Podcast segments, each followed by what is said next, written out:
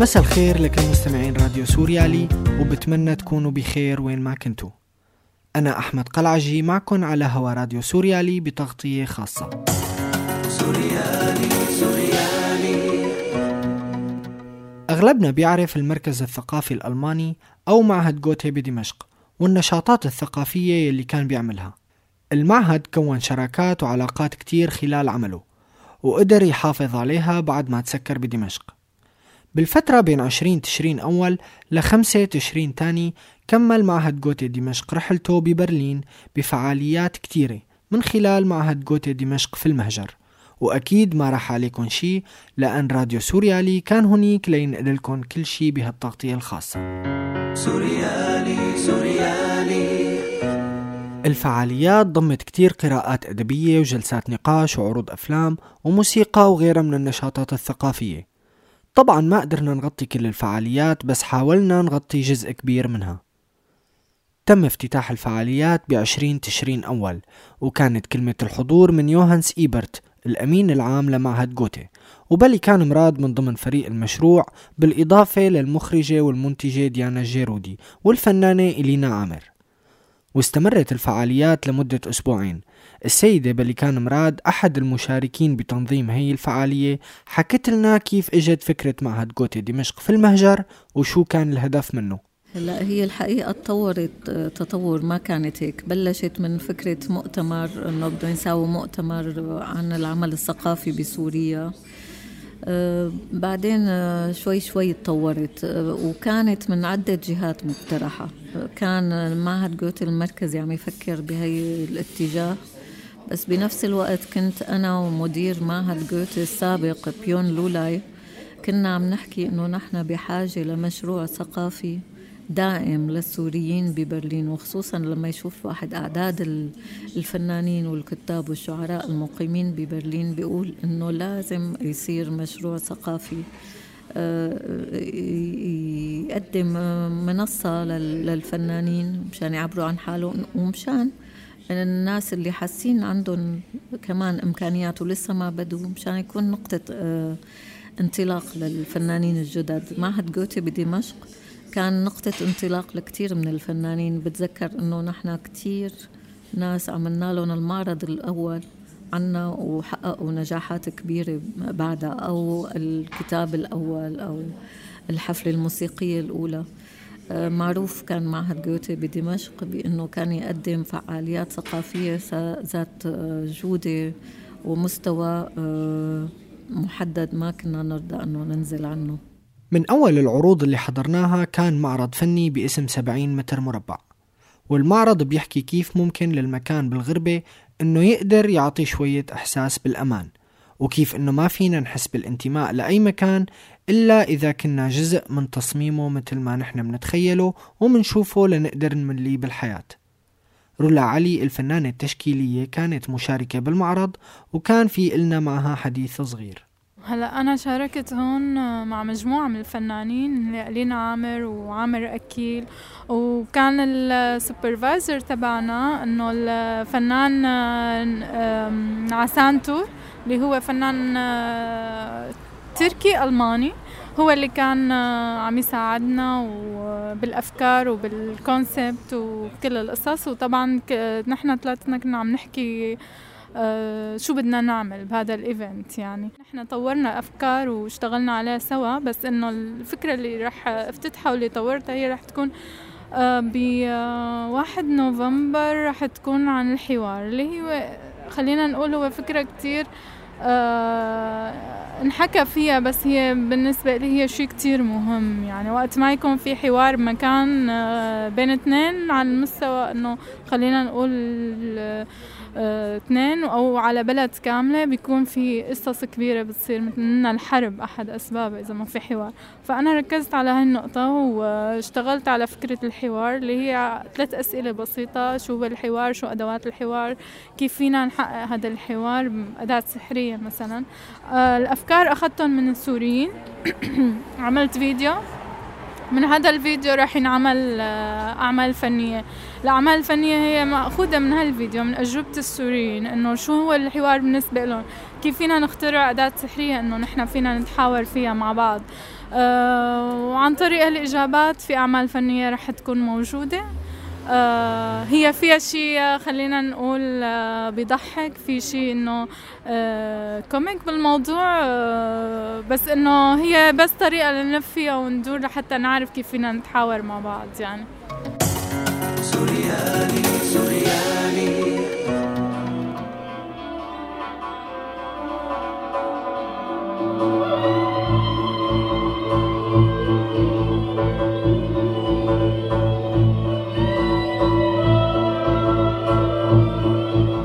وطن من الداخل واحد من العروض من ضمن فعاليات غوته دمشق في المهجر. وهو عرض أدائي للملحن وعازف الكلارينيت كنان العظمة مع الفنان التشكيلي كيفورك مراد خلال العرض بتمتزج الموسيقى مع الرسم لتوثق لحظات محددة بتاريخ وانعكاس الثورة بسوريا ونتائجها. كنان العظمة خبرنا عن فكرة الوطن من الداخل ورسالته من هذا العرض. آه المشروع اللي قدمناه هو مشروع بيني وبين كيفورك مراد بعنوان home within الوطن داخلا أنا هيك بقول.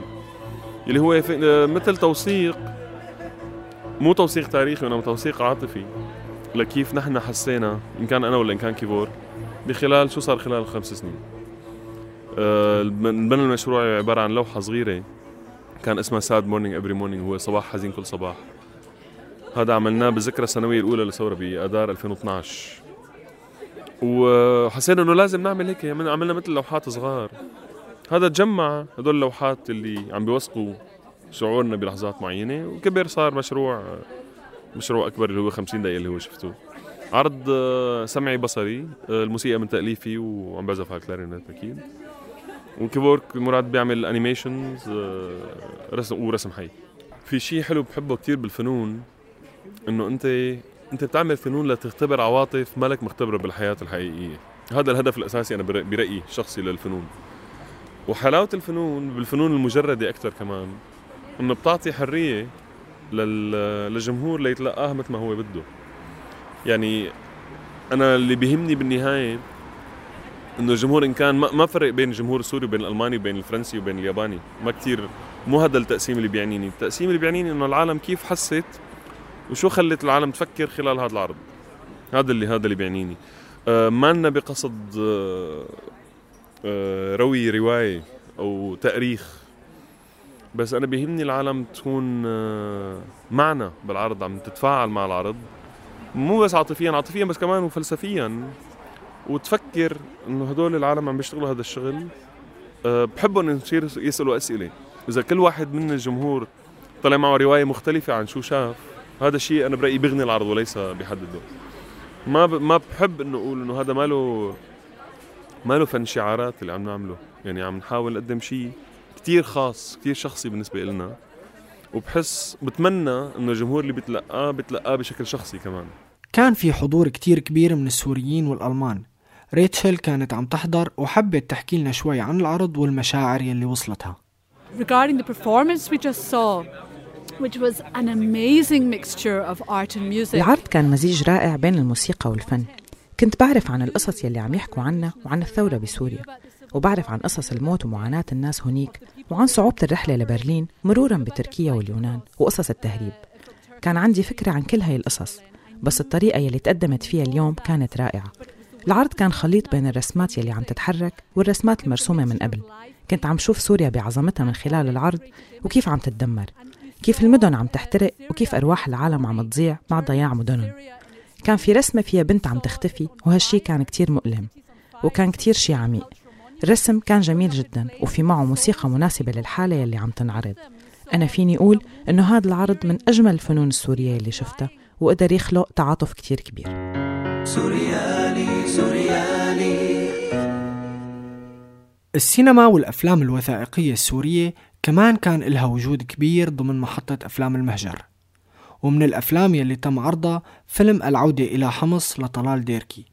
وفيلم الحياة اليومية في قرية سورية للمخرج الراحل عمر أميرلاي وبالإضافة لحفل تكريم للمخرج وجلسة نقاش حول الفيلم وحياة أميرلاي.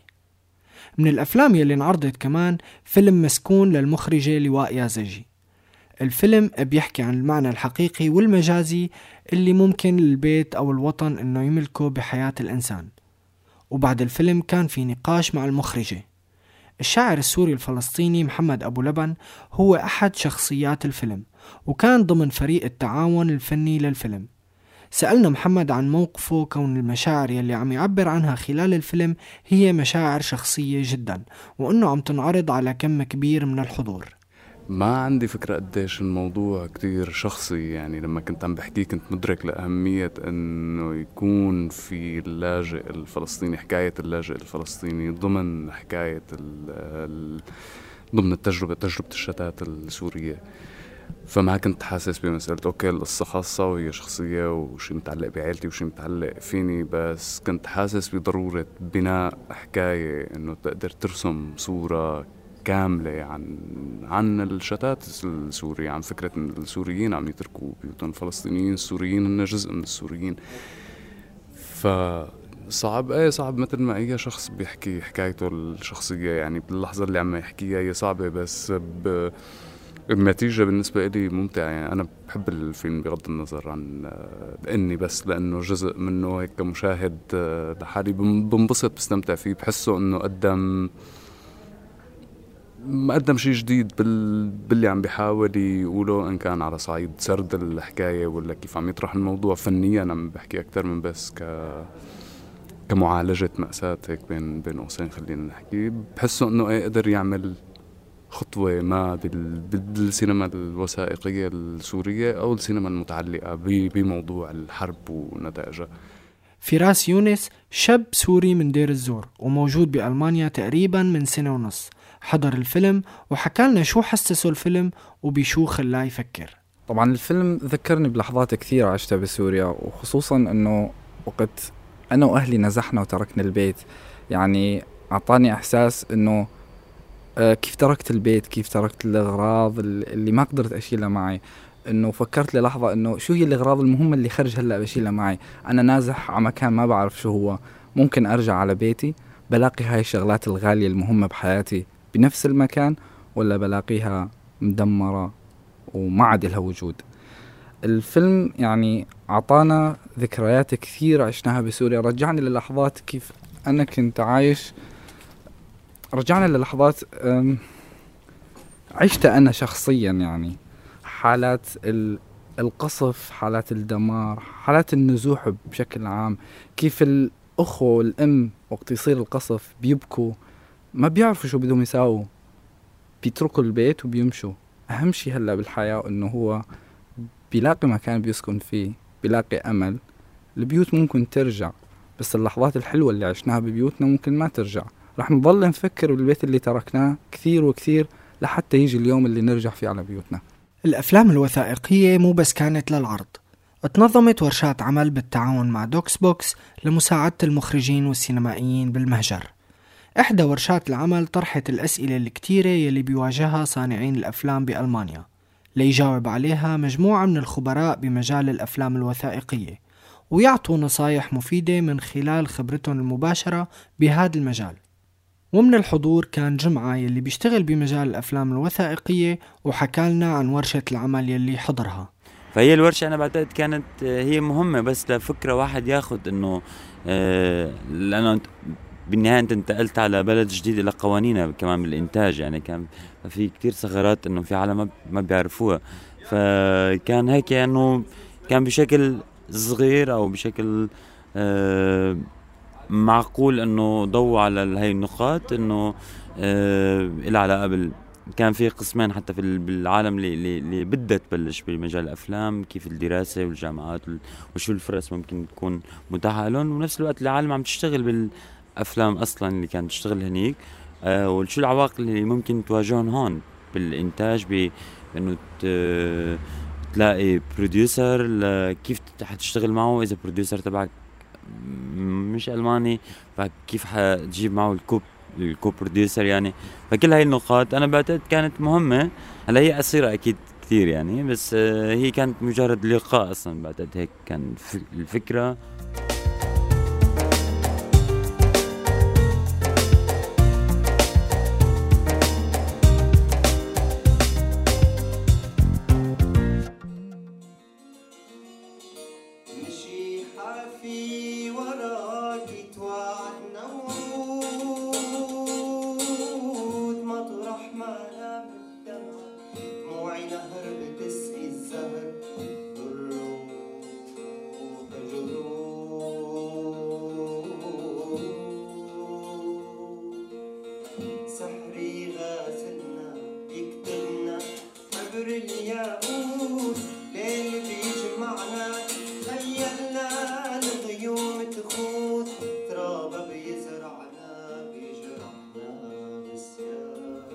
حركة شهود الحرب اسم غريب لجلسة نقاش لنوار بلبل زينة إرحيم سناء يازجي ومعن موصلي. نوار بلبل ومعن موصلي حكوا عن فيلم شكسبير بالزعتري. اللي وثق التجربة المسرحية اللي خاضها الفنان نوار بلبل مع أطفال المخيم. معا هو أخذ المواد المصورة وبنى عليها الفيلم وأخرجه وكان لنا معه هذا الحديث. حركة شهود الحرب هي هي فكرة طلعت آه، ولدت بمدينة أوسنابروك بألمانيا بيني أنا والدكتور أندري جريلا اللي هو دكتور مادة الفلسفة بجامعة ميونخ. آه، الفكرة هي توثيق قصص هدول الأشخاص اللي هن وصلوا على أوروبا اليوم وهن كانوا شهود على هاي الحرب. بدنا نوثق قصصهم ونمسك قصصهم ناخذ قصصهم معنا وبدنا ندور فيها على المدارس والجامعات في على مستوى ألمانيا.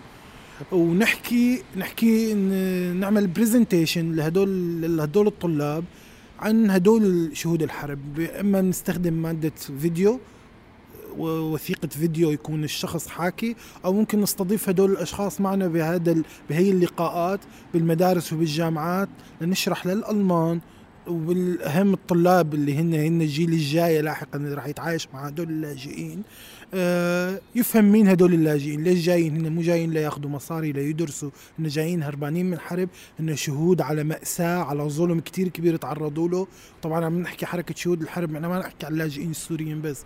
نحكي على كل اللاجئين اللي موجودين اليوم بألمانيا بمختلف جنسياتهم اللي هن هربانين من الحرب ومن الظلم من القمع وجايين لهي البلد.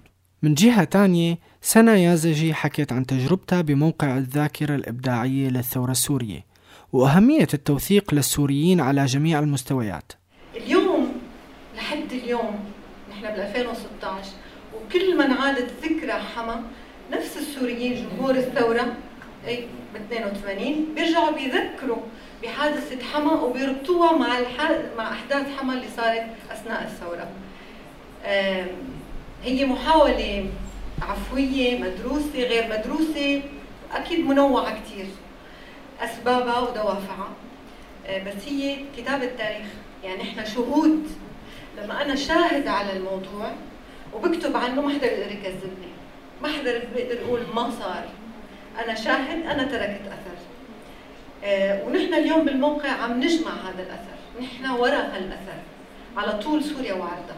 أما الصحفية زينة أرحيم فانعرضت مقاطع من فيلمها نساء ثائرات. رغم أنه زينة أكدت أن ما لها مخرجة ولا معنية بتصوير الأفلام لكنها كمان صورت الفيلم لرغبتها بتوثيق حياة نساء ساهموا بالثورة. أنا عم بشتغل شيء مصور شيء مرئي للصبية اللي بدها تقعد بعد عشر سنين على الجوجل لما تعمل بحث عن الصبايا السوريات بالثوره السورية تقدر تلاقي شيء.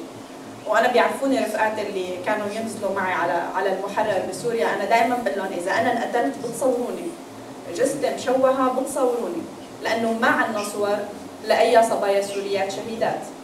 بكرة لما حدا يبحث عن الشهداء السوريين حيلاقي مليون صورة لشهيد وما حيلاقي ولا صورة لشهيدة غير الرحاب اللي تصورت بالغلط.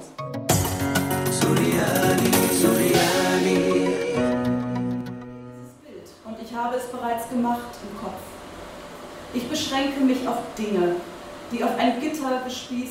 أحد القراءات الأدبية باسم انطباعات من الغربة ومن المشاركين الكاتبة الألمانية أولا لينتسه يلي قرأت جزء من مذكرات كتبتها خلال الفترة يلي عاشت فيها بسوريا بين 2004 و 2006 والكاتبة كوليت بهنا يلي إجت من دمشق لتكون جزء من فعاليات جوتي دمشق في المهجر. والكاتب عساف العساف يلي قرأ جزء من كتابه أبو يورجن يلي ترجم للغة الألمانية. أنا هون صرخت أف أف كمل كمل. الحكي بلش يحلو. بس قبل هيك قوم صب لي كاس. صار لك ساعة بتحكي لي عن العشائر والكرم والنخوة وما ضيفتني شيء صب لي كاس عرق نص بنص وثلج كثير وتع كمل لي الحكاية. حط الكاس قدامي وخلي هذا يا سيدي جدتي من يوم وصلت هني قررت تكرس نفسها للشغل لحتى تنسى جدي. طبعا كانت قرفانة حياتها من التعب والظروف السيئة والحر شيء. كاتالينا صبية ألمانية حضرت القراءات وخبرتنا شو اللي ثار اهتمامها وإعجابها خلال كل فعاليات جوتي دمشق في المهجر. I don't know there's this general feeling. في عندي هذا الإحساس دائما لما أسمع أي شيء عن سوريا. بحس إنه في كتير أشياء ومعلومات لازم أعرفها وأجمعها حتى أقدر أرسم صورة أكبر عن سوريا غير الصورة اللي رسمتها براسي من المعلومات الصغيرة اللي بعرفها. بحس في كتير أشياء لازم نعرفها غير يلي عم تتقدم لنا رسميا حتى نقدر نفهم شو هي سوريا. بآخر الفعاليات وقبل الختام قدرنا ندردش شوي مع الفنان السوري نوار بلبل يلي كان موجود ضمن أحد النقاشات وحضر كتير من الفعاليات. أنا برأيي السوريين كتير ولو إنه في خلافات كتير بيناتهم هذا صار واضح. بس بس بمعنى خلافات فنية خلافات مسرحية خلافات سينمائية إذا بدك. بس هذا أنا بشوفه كتير منيح. السوري اليوم بألمانيا أثبت إنه هو هو هو ابدا مو عاطل عن العمل. هو قادر إنه ينتج وي وينجز ويفرجي مين هو ويوقف صفا بصف مع الألماني. يعني هذا هذا كثير حلو. بإمكانيات متواضعة بإمكانيات قليلة. أنا دائما بقولها من يومين كان عندي بجامعة أوسنابروك هيك محاضرة. فقلت لهم شغلة قلت لهم الشعب السوري على الأقل عمره 5000 سنة. يعني ما بيتغطى هال 5000 اجى اجى اجى البعث. غطاه ب 50 سنه غبرة ووسخ و... وتفاهة. لكن أنت مجرد ما تحك هي الغبرة مجرد ما تشيلها تزيلها لهي الغبرة حيرجع ال 5000 سنة لورا. وبالتالي أنا ما بستغرب على السوريين. نحن نحن يعني قادرين. السوري قادر اليوم. وشوف شفت عينك أنت ساكن بألمانيا. نحن عم توصلنا الأخبار شو عم يصير جابونا على أساس فقط لاجئين بين قوسين. آه إيه نطوا السوريين نطوا. طبعا ما بس عم بحكي بألمانيا عم بحكي أنا بعموم أوروبا بالعموم. بعموم أوروبا وقفوا وعملوا أنجزوا. هي في هذا ال هذا ال هذا العملاق هذا المارد اللي كان موجود بالقمقم البعثي. طلع لبرا وفرجانا مين هو. ولسه ما يعني لسه هلأ خلينا نقول نحن بالبدايات البدايات. لسه ما شفتوا شيء أعتقد أنا عندي ثقة دائما يعني عندي ثقة بهذا الشعب اللي عمل ثورة بالنهاية. عندي ثقة إنه هو حيتفوق بكتير مجالات سواء مسرحية أو سينمائية أو شعرية أو موسيقية أو أدبية إلى آخره هو قادر إنه هلأ بلش يبين السوري مين هو حقيقة. من اللافت كان بجوتي دمشق في المهجر إنه الحضور الأجنبي كان كبير نسبيا مع اهتمام واضح بالفعاليات. وكتير سمعنا تعليقات وتحفظات من الحضور على تنظيم الفعاليات وصغر المكان المقام فيه. بآخر يوم التقينا مع السيدة بلكان مراد وكان لنا معها هذا الحديث لتجاوبنا على شوية أسئلة. سوريالي سوريالي. الفعاليات كانت لمدة أسبوعين ونص تقريبا.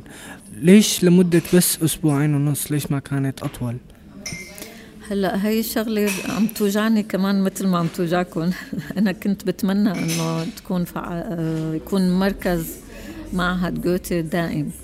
بس الحقيقة سياسة معهد جوتي بألمانيا مختلفة. هو عبارة عن معهد يعمل في الخارج ليس معهد يق... كنشاطات ثقافية. ليست مهمته العمل في ألمانيا. سياسة معهد جوتي من خلال معاهد الجوتي معاهد جوتي حول العالم هي نشر اللغة الألمانية و والثقافة الألمانية وتبادل والآراء وتبادل الفنون مع الشعوب اللي هن فاتحين معاهد جوتي فيها المدن اللي فاتحين معاهد جوتي فيها وفتح باب للحوار ومنصات لتقديم الفنون الجيدة. طيب كان في حضور كتير كتير كبير. فهل بعد هي التجربة بعد تجربة معهد جوتا دمشق في المهجر هل من المخطط إنه يصير هذا الشيء سنوي أو يرجع ينعاد بفترة معينة؟ هلأ الحقيقة كما هو متعارف عليه بعد بألمانيا أي مشروع بعد انتهاء المشروع بيصير نقاش عن مدى نجاحه وبيتحاور الواحد عن فعاليات أو إمكانية إعادة هذا المشروع أو تمديده أو تقييمه بشكل عام. ففي جلسة لتقييم هذا المشروع ما بنعرف شو بيتمخض عنا بس كان في ب 28 الشهر panel discussion مع رئيس معهد جوته وهو صرح إنه في فكرة لإقامة هاي التجربة نفسها بمدن مختلفة بألمانيا. الحقيقة ما بعرف شو عن شو ممكن يتمخض الحوار أو التقييم اللي بده يصير لهذا المشروع. بس لحد الآن ال ال ال ردود الفعل إن كان من الألمان وإن كان من السوريين كتير إيجابية وكتير جميلة. ما بعرف إذا شفت بالحضور مو بس سوريين في حضور كتير ألماني. وهذا الشيء كتير جميل لأنه إذا هن عم يطلبوا إنه الشعب السوري أو اللاجئين السوريين والفنانين السوريين يكونوا انتجريت انتجريت بالمجتمع آه إنه حسوا بالإندماج. لازم المجتمع اللي بده يدمجهم معه كمان هو يفهم مين هذا الجمهور السوري مين هدول الفنانين السوريين شو الثقافة السورية. وهي ثقافة عظيمة ونحن من خلال الحضور الألماني عم نحس إنه قد إيه في إعجاب بثقافتنا. لكن رغم الملاحظات يلي صارت كانت العروض والأفكار يلي انطرحت خلال هدول الأسبوعين عدا عن أهميتها لتعريف المهتمين من الألمان بجزء من الثقافة والفن السوريين هي كمان فسحة لتجتمع الناس وتلتقي وتخلق فرص جديدة للسوريين ببرلين. كتيرين تمنوا لو أبواب مقر جوتي بالمهجر تبقى مفتوحة ويستمر بتنظيم فعاليات ولو مو بنفس الزخم. كنت معكم أحمد قلعجي بتغطية خاصة لفعاليات جوتي في المهجر من برلين على هوا راديو سوريالي.